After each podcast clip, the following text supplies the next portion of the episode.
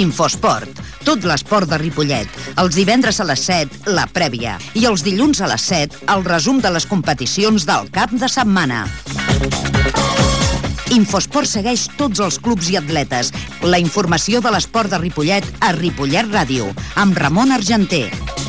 Jugues?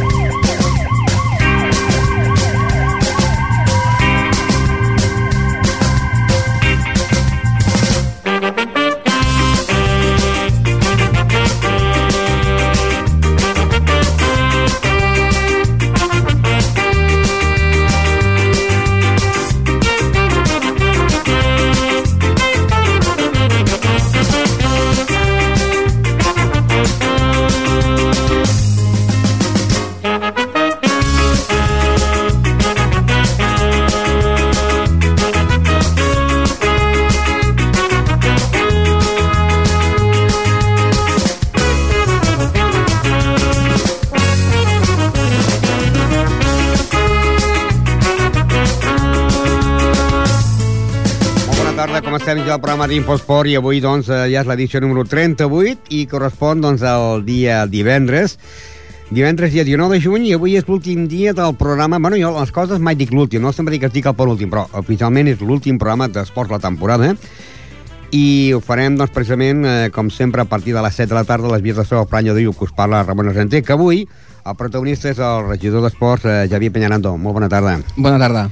En principi, doncs, si donem les gràcies per estar aquí en directe, perquè el tindrem durant tota una hora aquí en el programa, per fer balanç d'entitat per entitat de tot el que ha passat aquest, aquest, aquest any doncs, a, la, les lligues de, de tot l'esport que seguim aquí a la ràdio. No?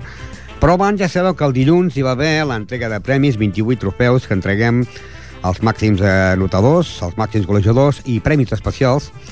I també ja sabeu que aquesta temporada hem estat amb, amb els companys Manu i Miguel que portaven l'esport base, no? Doncs precisament Ara recordarem unes petites entrevistes que es va fer mentre es feia el pica-pica de, després de fer l'entrega de premis amb diferents esportistes. En aquest cas anem a recordar les paraules del boxejador Bart Tubil, que va quedar subcampeón de Cataluña. Bueno, ¿estás contento? Sí, mucho, la verdad es que mucho con este premio que me han dado por segunda vez consecutiva este año.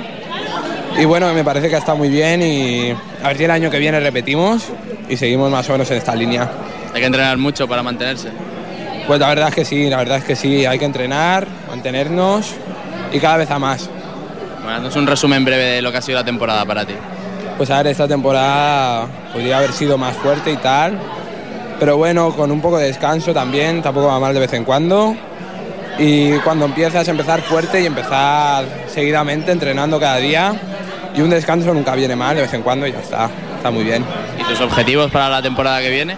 Mis objetivos es volver a hacer campeonato de Cataluña y entrenar cada día seriosamente y fuerte y a ver si hay algo para el campeonato de España y a ver qué tal. Bueno, mucha suerte. Vale, muchas gracias. Nos vemos aquí el año que viene, ¿no? Otra vez. Sí, sí, nos vemos aquí. Doncs aquestes les paraules del subcampió de Catalunya de boxe, Bart Ovil, del Club Bàsquet, ai, perdó, del Club Boxeo Ripollet. Un dels galonats també va ser Cristóbal Garcia, primer any que jugava eh, amb el Club Tenis Taula Ripollet, de la Divisió d'Honor, venia del Vic, aquest any doncs, ha quedat màxim anotador del Tenis Taula Ripollet, però que també deixa l'equip. Anem a recordar les paraules de Cristóbal Garcia. ¿Qué te parece el premio? Pues bonito y es una manera de ser re- reconocido por todo el trabajo de todo el año, todas las horas de entrenamiento y, y el sufrimiento que hemos tenido para mantener la categoría. Es importante que te reconozcan el trabajo, ¿no? A veces. Bueno, es un... Sí, es importante. Eh, importante es eh, que salga bien el trabajo. Luego si te lo reconocen, pues mejor, pero no. Bueno, ¿nos puedes hacer un breve resumen de lo que ha sido la temporada? Pues no empezamos muy bien, empezamos bastante flojos. La primera vuelta, digamos, estamos en puestos de descenso y hemos tenido bastantes problemas para mantener la categoría. De los seis últimos partidos teníamos que ganar cinco, porque la- el otro equipo que estaba con nosotros compitiendo iba ganando semana tras semana, nosotros teníamos que ganar detrás de ellos. Y al final hemos ganado los seis de seis y hemos podido quedar hasta quintos. O sea, hemos subido muchísimo. ¿Y los objetivos para el año que viene cuáles son? Si seguimos en el mismo club. Mantener la categoría y individualmente a ver si podemos quedar campeones de Cataluña o, o de España de dobles también tenemos ilusión de a ver si hacemos algo. Mucha suerte. Gracias. I un altre dels premiats va ser el jugador de... I ha jugat joc pocs partits, no? Perquè la forma física doncs, no l'aguanta molt, però déu nhi perquè ha marcat molts gols el jugador de la penya deportiva Pajaril, Pedro Los Santos. Bueno, Pedro, 26 goles, ¿no? No, no Sí. es fácil. No, no es fácil, pero bueno, al lado de tener a mis compañeros que me han ayudado muchísimo. De hecho, si no llegase por ellos, ni la, no hubiese metido ni la mitad de goles. Este premio es, no es individual, es colectivo. Es el equipo en sí el que ha metido los goles. ¿Nos haces un breve resumen de lo que ha sido la temporada en el Pajaril? Sí, ha sido una temporada difícil, difícil, porque ya se puede decir que un equipo totalmente nuevo. Se habían quedado seis o siete jugadores con, José Antonio, el míster era nuevo, el míster trajo muchos jugadores nuevos, costó acoplarnos. También es verdad que tanto a principio de temporada como a final las lesiones nos han costado un poco, nos ha evitado ¿no? tener ese, esos puntos y bueno, es lo que decimos, ¿no? Eh, Hemos perdi- perdimos esos puntos al principio, esos puntos al final, que nos ha impedido conseguir el objetivo que teníamos, que era subir de categoría. Bueno, el año que viene quizá. Eso es lo que tenemos en mente ya y ya estamos trabajando para ello, ¿Es el ¿no? objetivo el año que viene subir? Sí, sí, Claramente. sí, sí, sí. O sea, el objetivo es subir. Ya toca, ¿no? Ya toca, el pajaril se merece estar arriba. Bueno, pues nos vemos el año que viene aquí vez. Eso espero. Venga, gracias. Chao. Doncs eh, sembla ser que també Pedro Los Santos continua amb la penya deportiva Pajaril. Eh, també va rebre el premi per primera vegada doncs, la jugadora infantil Berta López, que és una jugadora infantil però que aquest any ha debutat a la divisió d'honor i ha sigut la màxima notadora. ¿Qué te parece el premio? Doncs molt bé, m'ha fet molta il·lusió, era el primer any que, que el guanyava i no ho sé, m'ha agradat molt. Estàs contenta que s'ha reconegut la teva feina? Sí, molt, molt. Mai m'havien donat un premi d'aquest estil al meu poble i sí, m'ha agradat molt. Ens fas un breu resum de lo que ha estat la temporada per tu? Bé, doncs debutava en aquesta lliga, sempre havia jugat a primera i aquest any era el meu primer any a divisió d'honor i bé, doncs m'he adaptat molt bé a les meves noves companyes, feia equip amb la meva entrenadora per primer cop i bé, ha sigut una experiència molt bona i bé, ens hem anat mantenint en les primeres posicions, al final vam fer el- l'estirada final i vam aconseguir quedar quartes. Molt bé. I quins són els teus objectius per l'any que ve? Doncs l'any que ve me'n vaig al centre del rendiment a entrenar, estaré entrenant matí i tarda i bé, canviaré de categoria, serà una mica més difícil, però tinc un projecte de, més de, per 3 anys així, aviam si... I et queda temps per estudiar? Sí, bueno, costa una mica combinar-ho, però bueno, por- porto bastant bé de moment. Bueno, molta sort. Gràcies. I un altre dels premiats que recollia el, també el premi per per tercer any consecutiu és l'atleta del RUA, Iván Roguera. ¿Qué te parece conseguir tu tercer premio consecutivo? Bueno, muy bien, estoy muy contento y na- nada más agradecer a Radio Ripollet estos tres premios y a ver si sigue un año más. ¿Nos haces un breve resumen de lo que ha sido la temporada para ti? Bueno, la temporada, la temporada de cross para mí es un poco dura, yo- ya que yo soy un corredor de medio fondo y el cross se me hace un poco largo, pero bueno, hemos estado ahí. Eh, hice filial con Moncada para competir en el, Campeonato de España de campo a través por equipos. Nos clasificamos, quedamos los 25 me parece por equipo. Luego el resto de la temporada he estado compitiendo con el Ripollet. Eh, bueno, pasamos el cross, empezó la pista cubierta, eh, hice, quedé subcampeón de Cataluña en pista cubierta, eh, luego el campeonato de España de pista cubierta, quedé tercero también en, en Oviedo, y ahora acabamos de empezar con la pista aire libre y alguna milla así suelta que vamos haciendo, como esta de Ripollet o como la de Moncada. Y bueno, el- este fin de semana fui campeón de Cataluña de 800 metros y el fin de semana que viene voy al Campeonato de España a ver qué tal. A ganarlo, ¿no? ¿Vas? Sí, sí, a eso se intentará por lo menos. ¿Y los objetivos del año que viene? Pues de momento no me he marcado ningún objetivo, pero habrá que pensarlo. supongo que, mejorarlo como mínimo, ¿no? sí, supongo que continuaré con el 800 y el- lo del cross eh, por equipo será eh, volver a hacer filial con el Moncada es imposible, ya que uno de los compañeros se retirará, entonces no podremos volver a hacer equipo. Entonces habría que valorar si algún otro compañero puede hacer filial con el RUA o yo tendría que hacer filial con otro equipo como me ha pasado este año. Y luego en pista aire libre pues seguir con la línea que llevamos y a ver si puede, se pueden mejorar los tiempos. Bueno, pues mucha suerte. Vale, gracias. Futbol, futbol.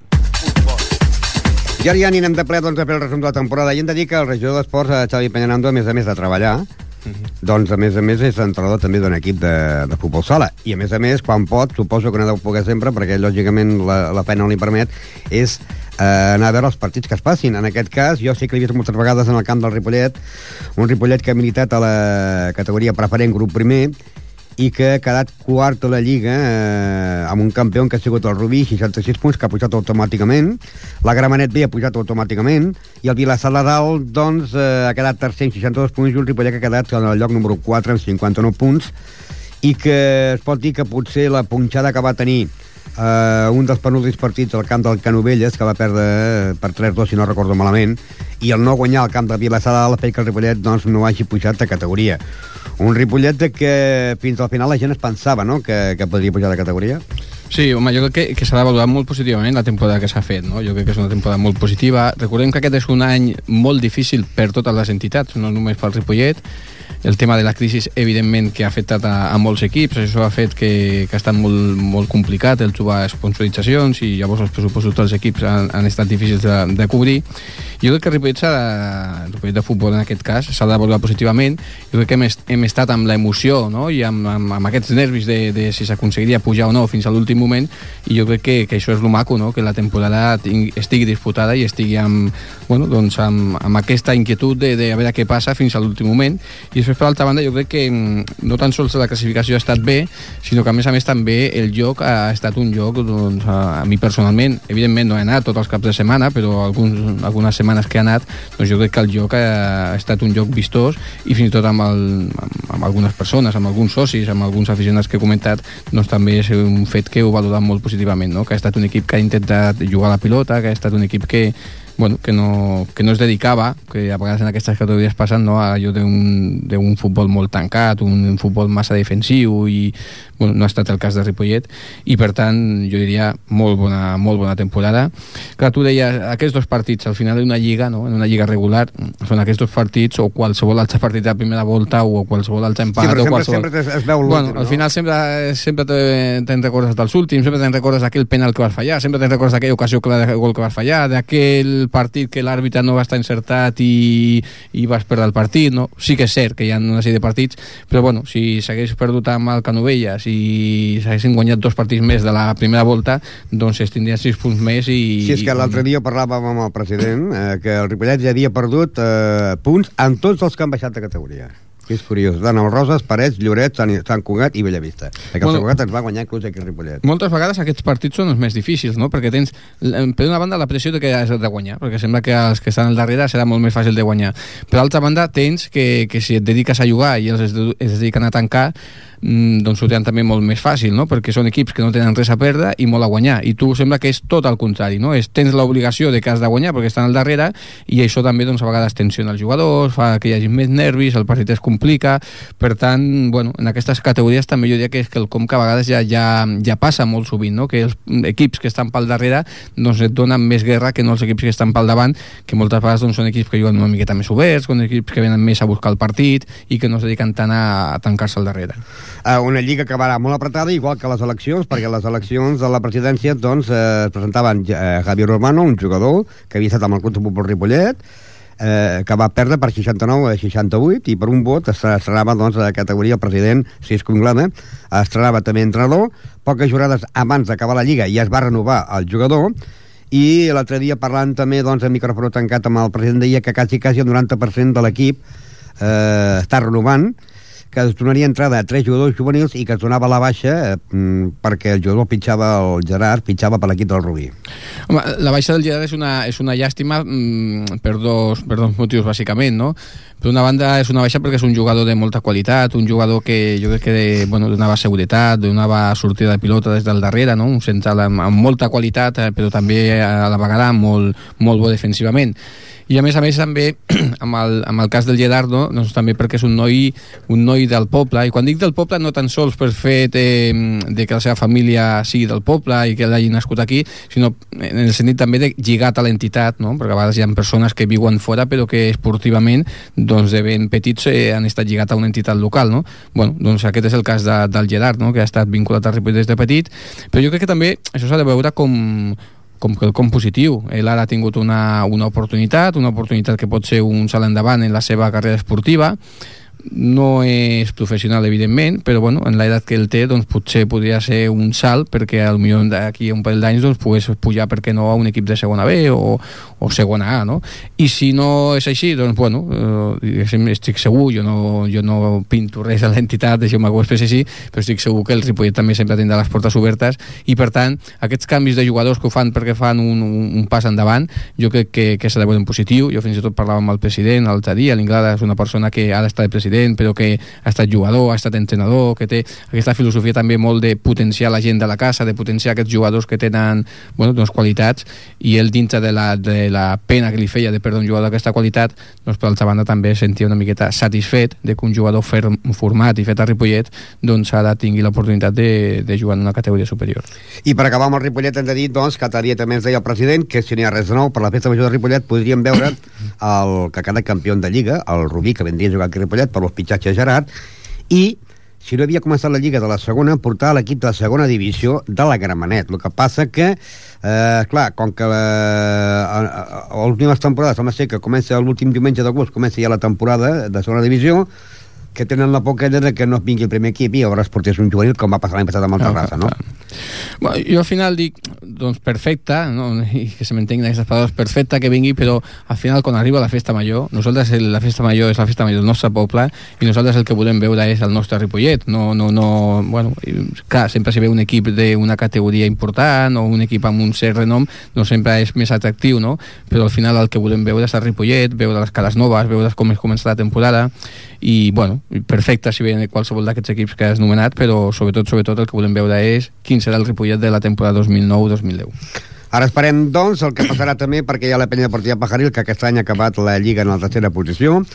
El guanyador ha sigut l'equip del Parc amb 67 punts, Sant Cugat 65 i la penya deportiva Pajaril quedarà lloc número 3 amb 61 punts en un dels equips que, que ha marcat més gols, 98 gols amb un màxim golejador que ha sigut Pedro Los Santos amb 26 gols.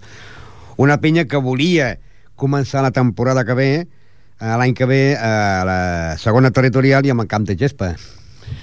Bueno, lo de la segona ja segur que no serà i lo del camp de Llespa, bueno, tots sabem que per la propera temporada estarà. També les entitats que fan servir aquesta instal·lació ja han fet, eh, ja han fet reunions i tots ells eh, són coneixedors de que, aquesta, de que aquesta instal·lació no estarà per principis de, de temporada. Ja estem en obres.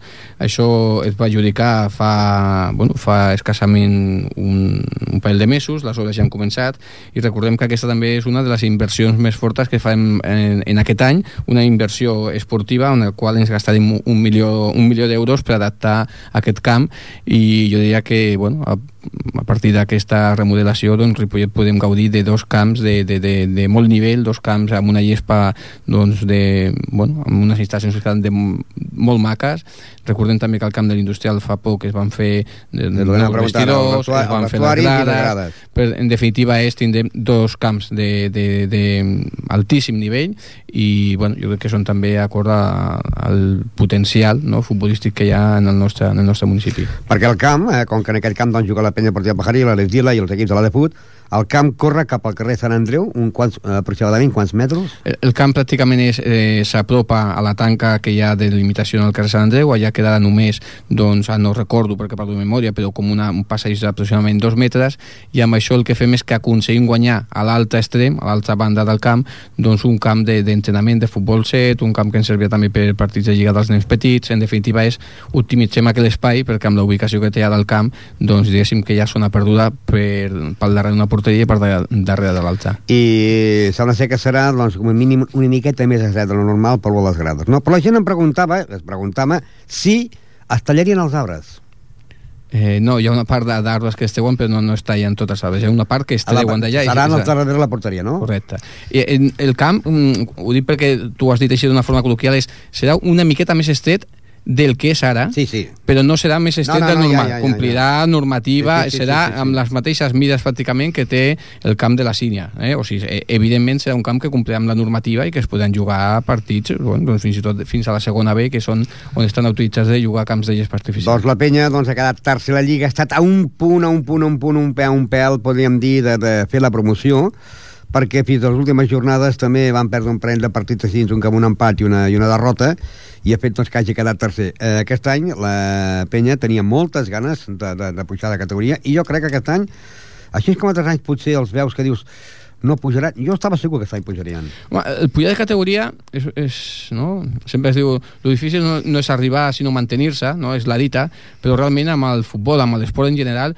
jo crec que, que no és així, que és totalment al revés. No? Lo difícil és pujar, després una vegada has pujat, moltes vegades és més fàcil mantenir-te. No? El fet de pujar és és el no poder fallar mai, no? El mantenir-te en una categoria, bueno, pots tenir una ratxa dolenta, pots tenir quatre partits que fallis, però sempre tens un coixí per poder, per poder mantenir la categoria, no? El pujar és que pots tenir molts poquets errors, perquè a la que et despistis, a la que enganxis que aquella temporada hi ha un altre equip que està en ratxa, doncs costa molt, després el de sempre, no? La pressió de si l'agafo o no l'agafo, per tant jo dic, home, el Pajarés és un altre equip també que ha fet una molt bona temporada, que han estat a les portes i per tant bueno, eh, això el que ha de fer és donar ànims no? perquè aquesta propera temporada a veure si s'aconsegueix el, el desitjat. I en el mateix camp, i per segon any consecutiu, l'equip de l'Esdila, doncs, que van fer una entitat nova esportiva de futbol, ha jugat en el mateix grup de la Penya Deportiva i jo crec que és bo que dos equips de Ripollet juguin al mateix grup perquè així hi ha rivalitat, però que han batut el rècord perquè l'any passat si van guanyar un parell de partits aquest any no n'han guanyat cap. Han quedat el lloc número 15 de 15 equips amb 0 punts i sent un dels equips més golejats de, de la Lliga amb 207 punts. Dels 36 grups que hi ha a la tercera territorial només hi ha dos equips que hagin tingut 0 punts que és el grup 7è l'equip del Cabrera amb 0 punts i el grup número 15 l'Esdila amb 0 punts Llavors hi ha el grup 22 Bellver amb un punt, el grup 11, 11 el Penedès amb 3 punts, en el grup 30 el Forallac amb 3 punts i en el grup número 21 a la FAC amb 4 punts. Són els equips més puntuals dels, dels podríem dir, dels equips de la tercera territorial. Uh, a l'Esgila ha quedat, doncs, en el lloc número 15 eh, amb un màxim de joc que ha sigut Rebors Florian que ha, ha pujat aquest, eh, diguéssim, aguanta el Premi d'Infosport però que és un equip que molta gent deia aquest no acabaran, no acabaran, i ells sí han acabat la Lliga. Bueno, la veritat és que l'Esdil està pagant també la dificultat d'un equip nou, un equip que va néixer no, la, la temporada passada, i sempre, bueno, això no, no, no, és, no és fàcil. Bueno, jo crec que el seu objectiu és eh, consolidar-se com, a, com a equip, consolidar-se com a entitat i jo diria que el primer pas és bueno, intentar buscar el mig de la, mig de la taula no? perquè sigui un equip que mm, perquè si, clar, si cauen en aquest eh, forat de, de, de continuar perdent doncs això també desanima els jugadors esperem que puguin una mica l'equip i que cada any que ve doncs, puguin estar molt més tranquils en una zona, en la zona mitja de la taula i no al darrere del tot. I al mateix camp doncs, juga un equip femení eh, el que passa que nosaltres eh, seguim els primers equips, eh, els primers equips, no?, les unitats esportives, primers i segons equips, no? No seguim els equips de, de base. Però com que eh, és l'únic equip a la de fut femení, cadet femení, és l'únic equip de futbol femení que juga en aquesta categoria, doncs aquest any sí que hem seguit, amb una jugadora Blanca Martín que ha marcat un total de 18 gols i que l'equip de la de Fut ha jugat amb un grup eh, que ha quedat campió a l'Espanyol amb 68 punts, seguit el Sant Graviel, Mercantil, Europa, Bellavista, Sabadell, Sant Vicentí i la de Fut ha quedat en el lloc número 8 de la competició amb 26 punts. Un equip femení de futbol que és l'únic equip femení que hi ha a Ripollet eh, jugant a futbol Sí, sempre aquest és un, no, un punt, diguéssim, afegit, un punt a favor d'aquesta entitat que ha, fe, que ha apostat no, pel, pel futbol femení. Jo crec que el, el tema del futbol femení o, o el tema dels sexes en, el, en els esports, no, doncs ja cada vegada està, està menys, eh, no, menys catalogat d'esports masculins i esports femenins, jo crec que és positiu, i diríem que la de FUB, no, aquest equip ha fet una temporada doncs, molt correcta, mantenint-se al mig de la temporada, al mig de la taula, perdó, i per tant, bueno, jo crec que també s'ha de felicitar tant a l'entitat com, com a l'equip per, per la feina fet i per l'esforç que suposa tirar endavant un equip eh, d'aquestes característiques. I que suposo que tant eh, l'equip de la de Fut, eh, quan l'Eix Dila, com la, la penya portiva Pajaril, doncs són entitats que juguen en aquest camp que ara s'està fent, que ja fan aquestes obres i que potser l'Americamp de Gespa també farà que més aficionats eh, vagin a veure el camp, però a més a més més gent vulgui jugar en, en aquests equips, no?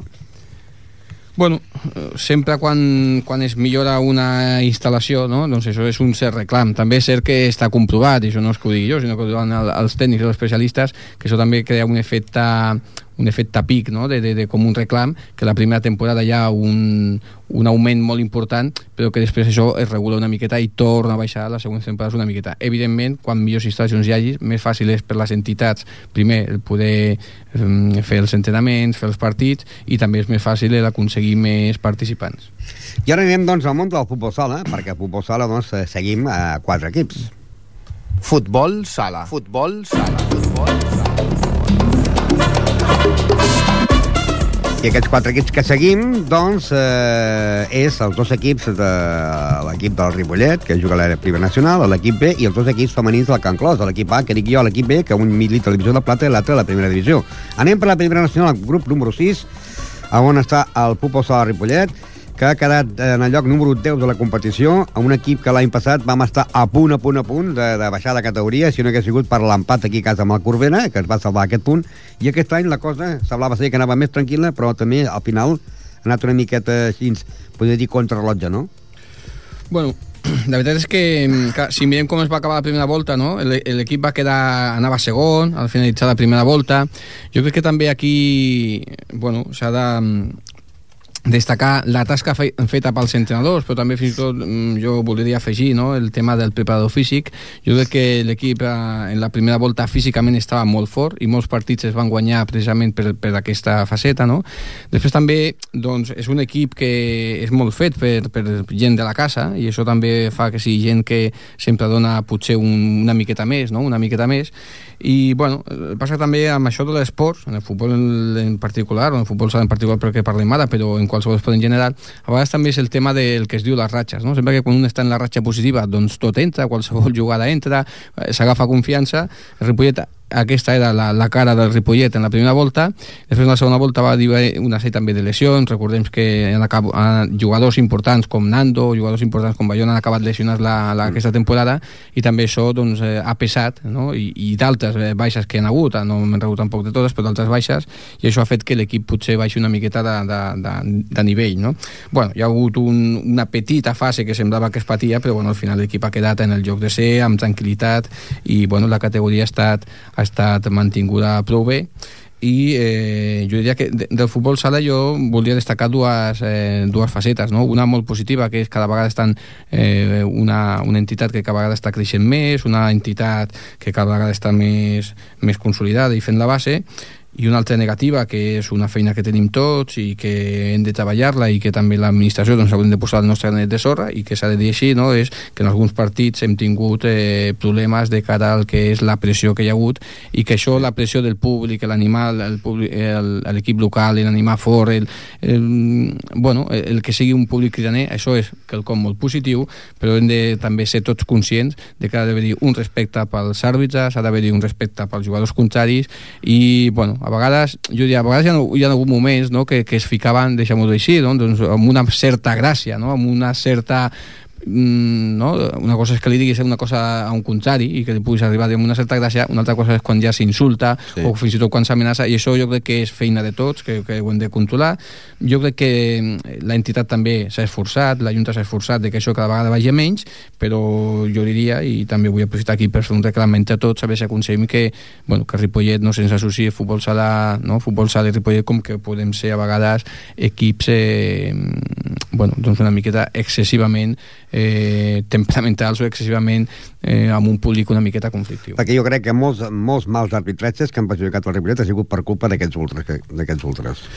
Bueno, jo aquí ja no, no ho sé, no? Els àrbitres al final, eh, jo que també he estat en la, en la part de, de, no? de, de, de les banquetes, Home, la veritat és que quan estàs allà, i, i jo sóc el primer, no? quan estàs en, en la calor del partit, en, en la tensió, bueno, doncs eh, tots ens passa no? que reclames a l'àrbitre, que protesta, no? però ja està, el partit s'ha acabat, ja l'àrbitre doncs, s'ha doncs, equivocat o no s'ha equivocat, o bueno, no, no, ja no es pot fer res, llavors hem de saber que en el moment que el partit s'ha acabat, s'ha acabat, i els contraris són contraris, els àrbitres són àrbitres, se'ls ha de saludar, se'ls ha de respectar i aquí s'acaba, finalitza, no? No, no? no hi ha res més a fer. Doncs ha, mantingut la categoria i en canvi en equips històrics com el Gavà, Vilassar eh, han quedat per, per baixa i un Moncada, que es va gastar molts calés, doncs, ha baixat de categoria el mateix que el Ramon Ferrer d'Ibisa, ai, de Mallorca, i l'equip de l'Olímpic La Floresta. Jo, jo en aquest sentit també sí. volia dir, perquè no, no és circumstancial, no? que equips com el Vilassar o equips com el Gavà eh, quedin pel darrere de, del Ripollet o fins i tot equips com el Moncada. Jo crec que això també és quelcom que, que a vegades s'ha de, de destacar. No? Moltes, en moltes ocasions el Ripollet es diu, escolta'm, i per què no hi ha més calés i llavors fem un equip i que estiguem dalt, que és el, el, el que ha passat amb aquestes, aquests municipis que tu has dit, no? Uh -huh. A vegades fer eh, gegants amb peus de fang no serveix de res. No. Aquestes entitats que han crescut a base de talonari ja es veu al final on acaben, no? El Montcada van fer un equip molt potent, va haver un Que patrocinador va molt ser fort, ha fusionat amb l'Espanyol, amb l'equip de l'Espanyol. bueno, hi havia un patrocinador molt potent, però un únic patrocinador, tot estava en mans de que aquest patrocinador no fallés, això va anar molt bé durant uns anys, però quan aquest patrocinador ha fallat, doncs l'equip doncs, eh, ha tingut dificultats i, bueno, fins i tot aquest era el segon equip, el, el seu primer equip han baixat de categoria, i el Ripollet jo crec que això ho ha sapigut fer, bé, fer millor, eh, com a mínim millor és, eh, és evident que han passat moltes dificultats al Ripollet, però com el seu model no està basat només en, en l'aportació econòmica d'un senyor o en l'aportació econòmica d'una sola empresa, doncs jo crec que han aconseguit mantenir una estructura doncs, més sòlida que aquests equips que altres anys estan molt més, molt més amunt.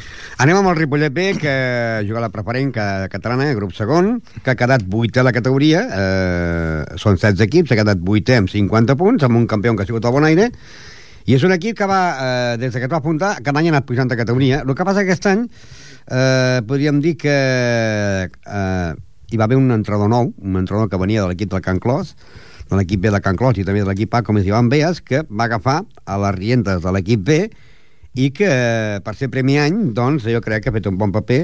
Primer any que entrena en un equip masculí i primer any que també entrena en un equip eh, en una categoria superior, com és la segona catalana aquest equip, i que el Timora doncs, ha mantingut en el lloc número 8 de la competició fent un bon campionat.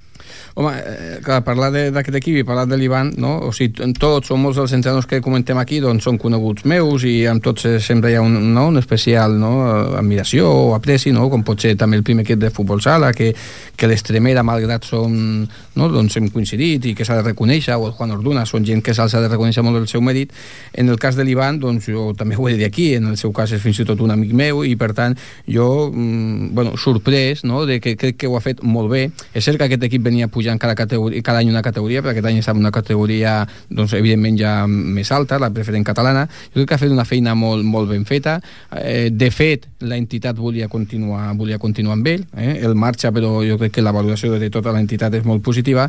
Per tant, aquest equip, la seva funció és la de formar jugadors pel primer equip, i mantenir-se en una categoria quan més alta, doncs molt millor, perquè la formació llavors doncs, és més potent i és una formació que serà més, fa, més fàcil fer el salt del segon al primer equip i jo crec que aquesta funció doncs, eh, s'ha fet. Recordem que, que de fet no, doncs el, un jugador no, que, que, que ha jugat en el primer equip i que ha estat el màxim golejador com ha estat el Juanito, el Juan Martín doncs venia- venia del segon equip no? Eh, bueno, hi ha d'altres jugadors que, que sent del segon equip han pujat al primer, o el David Franco, que també eh, en el seu dia del segon equip. En definitiva, jo crec que aquesta és la funció i l'objectiu d'aquest equip i ho, ho ha aconseguit força bé. Eh, continuem amb futbol sala i anem al món del Can Clos. I ara aquí potser deixaríem aparcat en el senyor regidor d'Esports eh, i, i parlaríem amb el Xavi Pellerando com a, com a, com a entrenador de l'equip A. De l'equip, en aquest cas, de l'Iso de Plata.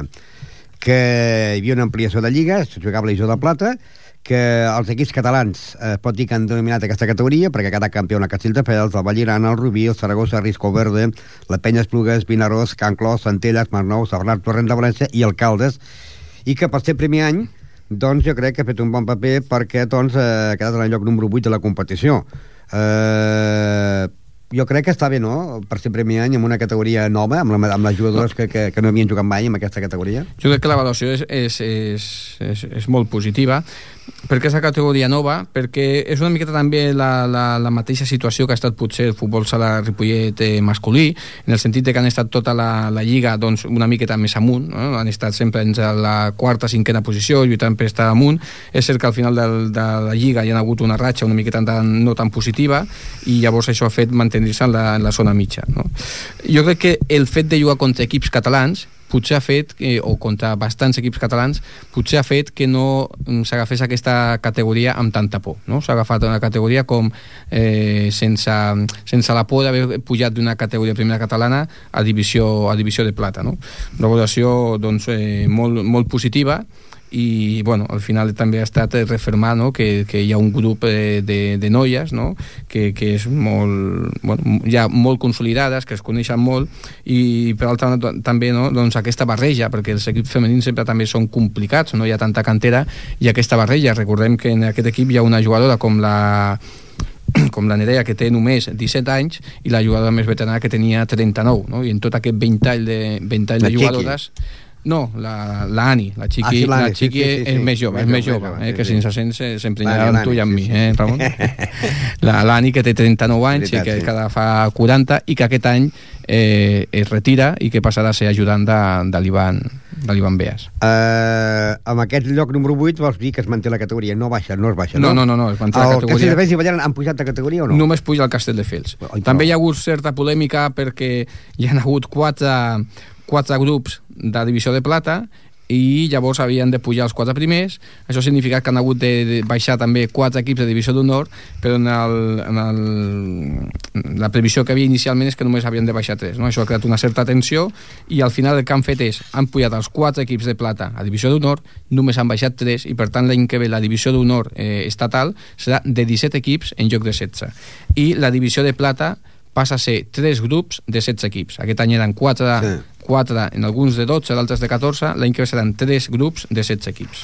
Ha quedat màxima golejadora Belén Pérez amb 15 gols, seguida d'Olga Olga Huertas, que havia guanyat eh, tres vegades, amb 11 gols. I ara l'equip B, l'equip B, doncs, jo crec que també ha fet més bon paper que l'equip A, si podríem dir, perquè l'equip B, doncs, també han pujat a una categoria eh, un equip molt justet, perquè a vegades doncs, que potser pels motius de feina o d'estudis o, de, o de treball o el que fos, a vegades eren justetes, i que ha quedat en el lloc número 8 de la competició amb 33 punts.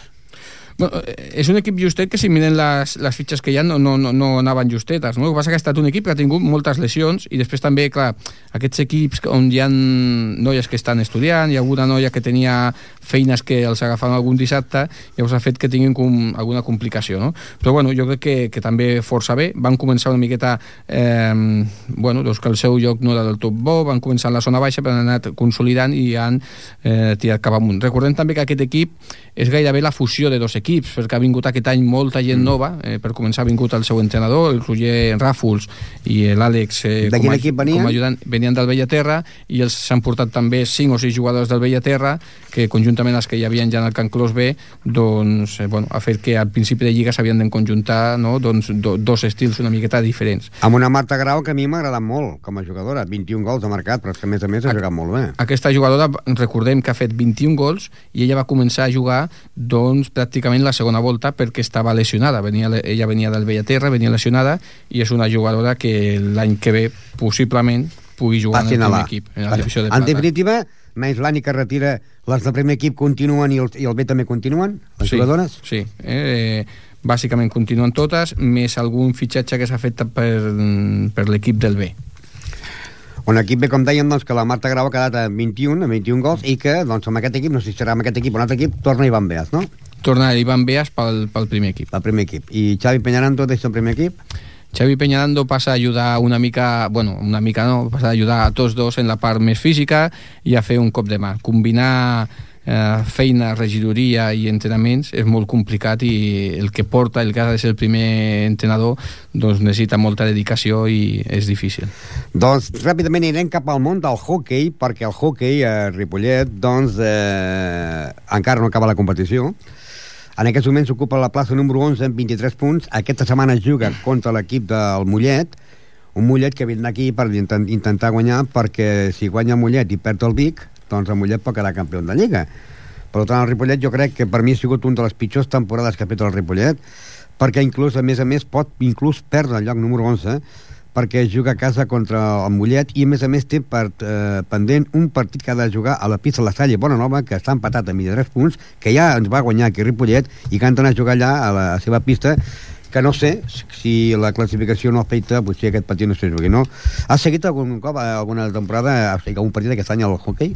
La veritat que el, que fa referència al primer equip no gaire. He vist quatre, quatre estonetes, quatre estonetes. He vist més la, a la més a més base. sabies que compaginàveu Sí, eh? llavors eh, he seguit més potser la base que no, que no el primer equip, no? Bueno, la veritat és que el primer equip doncs, no han fet la seva millor temporada, però jo del hockey destacaria, no? Aquest primer equip és important que, que, que mantingui aquesta categoria, és, és important que aquest primer equip eh, es mantingui per l'entitat, jo crec que el Club de Hockey Ripollet com a entitat està fent una molt bona tasca, una molt bona feina, Eh, el problema que, que, que tenim amb ells, i deixa'm dir el problema entre cometes, perquè aquests són els problemes dels que tots volem, no? és que és una entitat que cada vegada necessita més instal·lacions, perquè cada vegada té més nanos, i jo crec que és un molt bon símptoma perquè l'entitat continuï creixent. Per tant, dic, el, primer, el seu primer equip aquest any no ha estat el seu, la seva millor temporada, però és important que es mantingui, que es mantingui el primer equip, perquè també ha de ser una miqueta com l'objectiu de la base, el tenir un referent per poder jugar, i si aquest referent està en categories quan més altes, doncs molt millor, perquè aquests en cas són benjamins, que són alevins, doncs tinguin l'aspiració d'aquí a 4, 5 o els anys que toqui poder jugar en un primer equip. Doncs al Club Hockey Ripollet li queda un partit de Lliga que se jugarà demà dissabte i aquest partit aplaçat i que el trofeig doncs està encara eh, per decidir perquè pot guanyar Ferran Jové que en porta 19 o bé Didà Jiménez que en porta 16 i queden dues jornades. Anem ara doncs al món del handball que a més a més ara ja està preparant el seu, el seu torneig un handball que després de, molt, de molts anys sense jugar va tornar i aquest any ha quedat eh, últim de la Copa i, prim, i últim eh, de la Lliga amb només que en dos punts eh, amb un ballac de la Llagosta que ha sigut el campió i que doncs eh, el que s'està content diguéssim és que ha tornat diguéssim el handball que havia de prescut ha tornat amb un equip juvenil ha tornat ja per dos anys consecutius i que ara s'estan estan jugant ja aquest torneig que, que fan de cara a la propera temporada d'agafar jugadors de Ripollet que estaven fora i que puguin tornar cap a casa. Jo, jo o sigui, aquestes són d'aquestes entitats o d'aquests equips que dius, home, ha quedat l'últim bueno, ha quedat l'últim però jo els felicito eh? jo, jo els felicito perquè els primers els felicito i segon els animo a que continuïn perquè és una miqueta la mateixa, la mateixa una mica el mateix que comentàvem al hockey no? són entitats que han passat eh, doncs, moments delicats. El hockey ja fa més anys mm. i des de fa ja 3-4, doncs, o potser fins i tot algun mes, és una entitat que ha anat eh, bueno, doncs, tirant amunt.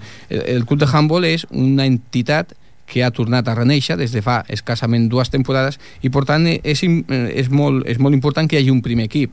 Aquest primer equip doncs, l'han hagut de fer amb dificultats, però allà està, és un referent, tenen un projecte i tenen un projecte maco. Eh, jo he fet alguna reunió com a regidor i, i fa poc. Aquest torneig el fan precisament per fomentar. Tenen la idea d'intentar fer un altre equip de base, un equip femení, algun altre equip també de Levins. Tenen algun projecte també per fomentar el handball un altre cop a les escoles. I jo vull recordar doncs, els anys 80 bueno, i abans, no? però ho dic dels que jo tinc, que me'n recordo personalment, no?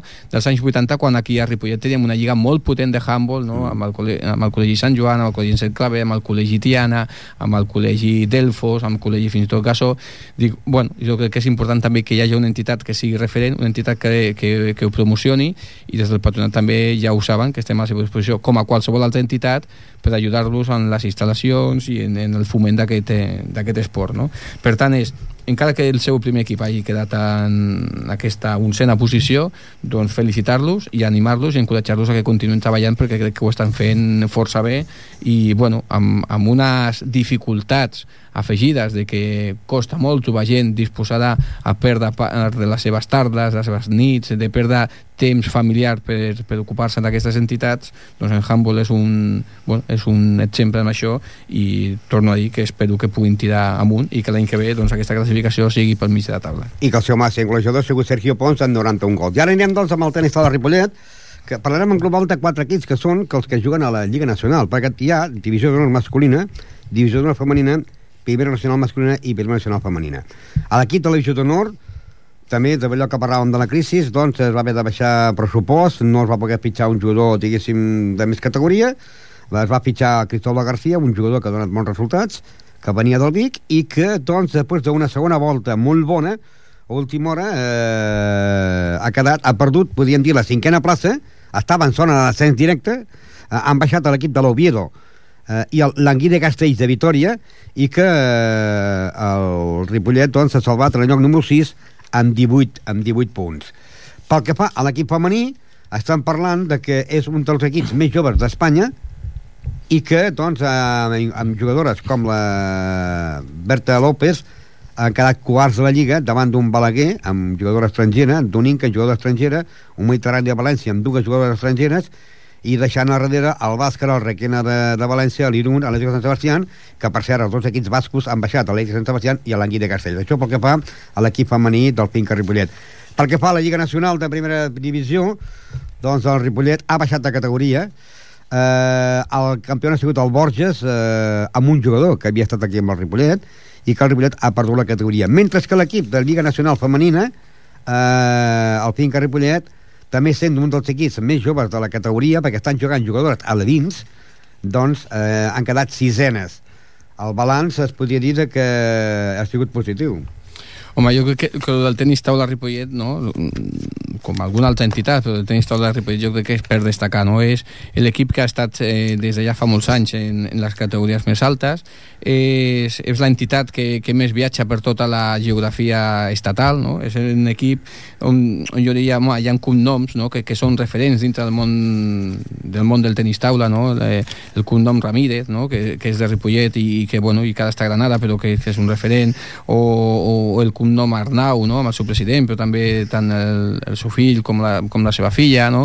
o, o el que també avui ens parla aquí, no? en Ramon Argenter, o tants altres que tampoc voldria ara oblidar-los o deixar-los de banda, no? ja tenim a, a la Berta López, no? que aquest any se'n va també eh, al CAR, CAR. I, i bueno, significa que el nivell i la feina que fa el club de tenis taula Ripollet doncs realment és una feina doncs, digna de destacar i llàstima també, no? perquè en aquest esport, no? si, si, si eh, esport del tenis taula doncs fos un altre esport amb molt més populisme, doncs eh, bueno, eh, Ripollet seria conegut, diguéssim, eh, doncs a nivell de tota Espanya, perquè és que els equips que han tingut tant masculins com femenins, i per altra banda també llàstima d'aquesta crisi, no? perquè la feina tan ben feta, eh, la feina que fan a nivell d'entitat, jo diria que és la de les entitats més amb, amb les dificultats i limitacions, però amb una estructura més professionalitzada en quant a, a com treballen, no? en com tenen repartida la feina, a com tenen una sèrie de persones que, que ho organitzen i bueno, jo crec que, que és de destacar i la llàstima és que, per exemple, aquest any que ve doncs, l'equip masculí no pugui jugar a Divisió d'Honor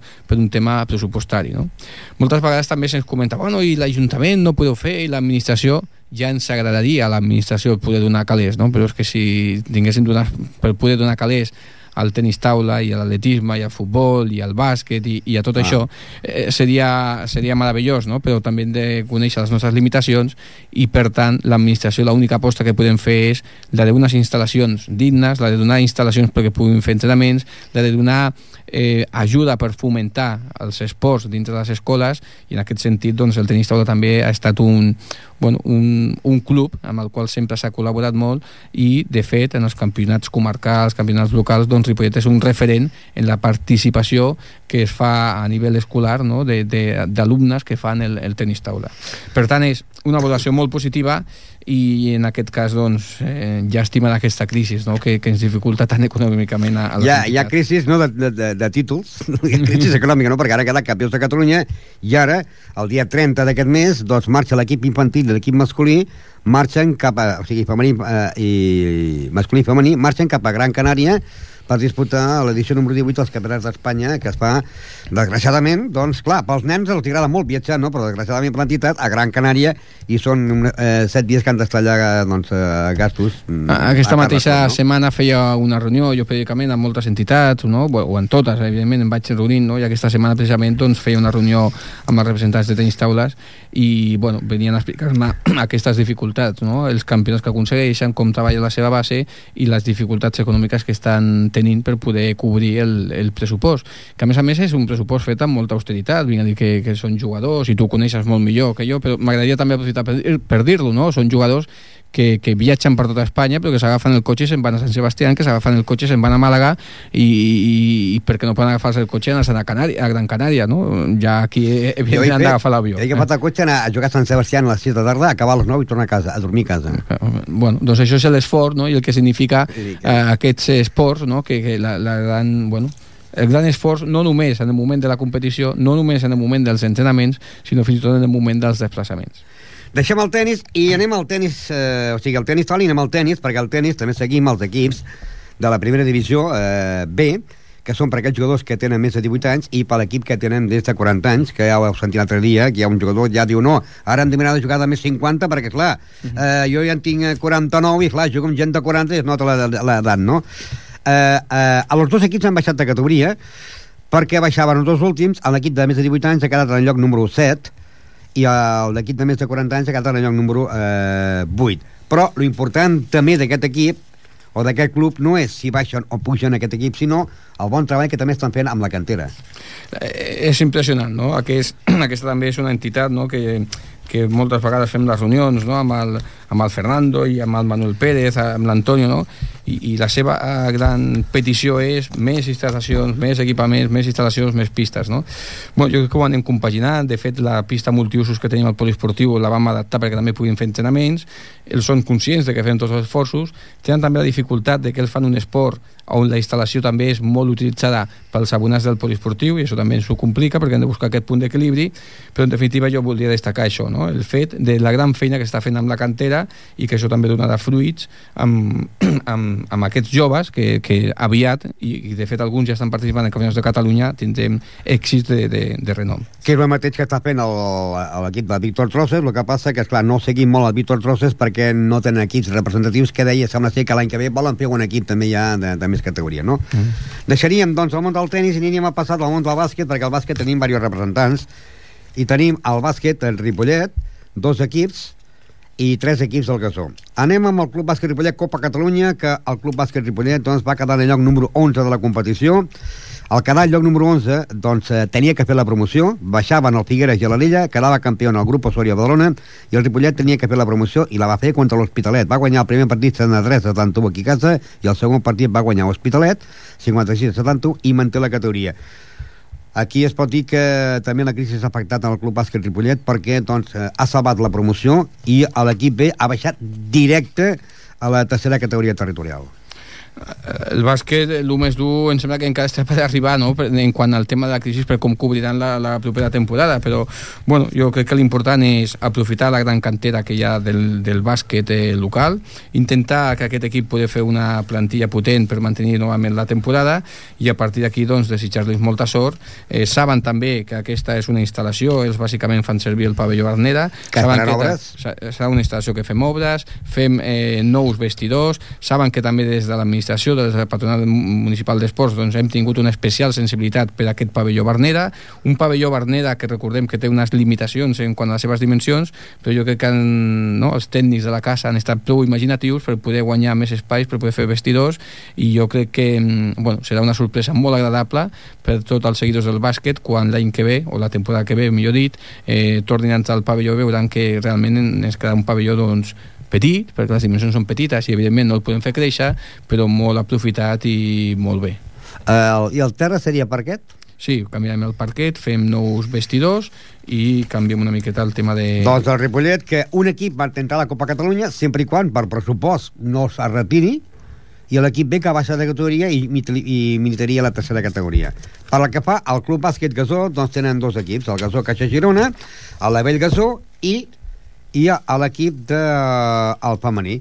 I és curiós perquè el Gasó Caixa Girona ha quedat ha quedat en el lloc número 4 el Gasó Caixa Girona en el lloc número 4 amb 48 punts el B ha quedat quart però empatats amb el campió 54 equips empatats 53 punts i pel bàsquet de Baràs ha quedat quart a la Lliga i no puja i l'equip femení del Gasó ha quedat en el lloc número 12 amb un equip que l'altre dia parlàvem amb l'entrenador és un equip que cada any es queden menys jugadores, ja són grandetes, moltes són mares de família, i que hi ha vegades que per motius de feina doncs es troben amb sis jugadores només.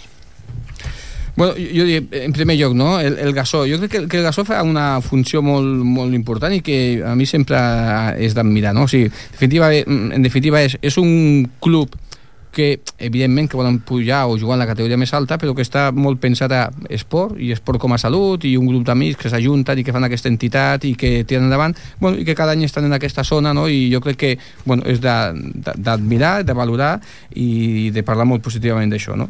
En quant al tema del femení, bueno, doncs, eh, aquí tindran una tasca, no? el Xavi López i de més representants de l'entitat doncs, en aconseguir doncs, que la cantera que ve per, pel darrere doncs, puguin nutrir aquest equip per, per tirar-lo. No? Mm, seria una llàstima que desaparegués aquest femení perquè el bàsquet femení a nivell local en les escoles hi ha molta participació. Evidentment una noia que surt de 12 anys no podrà eh, anar a jugar al, al bàsquet eh, del, del gasó, al bàsquet, al bàsquet sènior però bueno, jo espero que puguin trobar jugadores perquè també fora bo que aquestes jugadores que van sortint de les nostres escoles doncs d'aquí a uns anys tinguessin també un primer referent perquè almenys poguessin fer bàsquet a nivell, a nivell local. I es queden eh, molts pocs minuts per acabar el programa i podríem parlar així breument eh, doncs de, de... i dir perquè perquè, breument, perquè encara encara estan en plena competició, i perquè, és clar, eh, tant el món del patinatge artístic com l'atletisme no és una competició que hi hagi competició cada, cada diumenge, sinó que pràctic es comença ara. Eh, però la valoració del patinatge artístic Ripollet i la valoració del, del RUA també ha de ser positiva, no? Bé, eh, aquestes també són dues entitats eh, no? insígnies, de, insígnies de, del nostre municipi. El, el RUA, doncs, eh, jo crec que, que molt important tota la, la tasca que fan. Molt destacat eh, la, gran, la gran quantitat d'atletes que van traient. Jo sempre també m'agrada dir, bueno, el repte que potser faltaria és a veure si aconseguim que en el món del club local o de l'atletisme local sortís algun concurs, algun marxador i no se'ns identifique tant com a corredors de fons, però realment la tasca dels corredors de fons o del mig fons, no? Eh, hem sentit el, l'Ivan no? com novament campionat d'Espanya de, de, de, de 800 metres, per tant, un club que en aquest sentit eh, força bé, falta només potser la part de concursos, però a destacar el, el, els grans resultats que estan fent. I que pel que fa referència al club patinatge, doncs jo també voldria destacar no? que hi ha una tasca molt bona, que hi ha una cantera, és sorprenent la de nenes que fan, que fan patinatge, Aquí el gran però és a veure si si s'aconsegueix no? que, que no s'identifiqui tant com un esport eh, femení, com un esport de, de, de noies, no? Hi ha pocs nois, jo des d'aquí també doncs, convido a veure si s'aconsegueix de que aquesta... I un que ja va quedar tercer al món, al món la Xina. Correcte, eh, correcte, el Carles Gasset, Carles Gasset. però mm, falten potser més de, de, de, de la base, no? Jo, jo crec que se'ls ha de felicitar i admirar el, els seus resultats. Doncs eh, ja estem a la recta final. Eh, gràcies a eh, regidor d'Esports per estar aquí en el programa. Eh, parlat amb ell com a, com a entrenador, com a entrenador que és, com a col·lega d'esports, podríem dir, i llavors com a, com a regidor. Eh, gràcies per estar aquí, ja saps que aquí el programa d'Infosport és dilluns de 7 a 8 i divendres també de 7 a 8. Doncs molt bé, moltes gràcies per haver-me convidat, Ramon. Jo només volia recordar que mentre les temporades acaben, mentre els equips busquen les seves plantilles des del patronat continuem treballant, perquè farem obres a la piscina, perquè farem obres al pavió Bernera, perquè farem obres al pavió industrial, perquè farem obres al poliesportiu, perquè farem també millores al pavió Joan Creus, per tant, continuem treballant per millorar i agrair eh, a Ripollet Ràdio no? doncs el seguiment que fa de l'esport local i, evidentment, sempre quan diem seguiment d'esport local i diem Ripollet Ràdio, doncs eh, hem de parlar també de Ramon, per tant, moltes gràcies Ramon i moltes gràcies a tot l'equip que, que està amb tu. Moltes gràcies i la temporada que ve esperem que hi hagi tan bons resultats com aquesta i alguns, doncs, millor potser. I bones vacances. Igualment.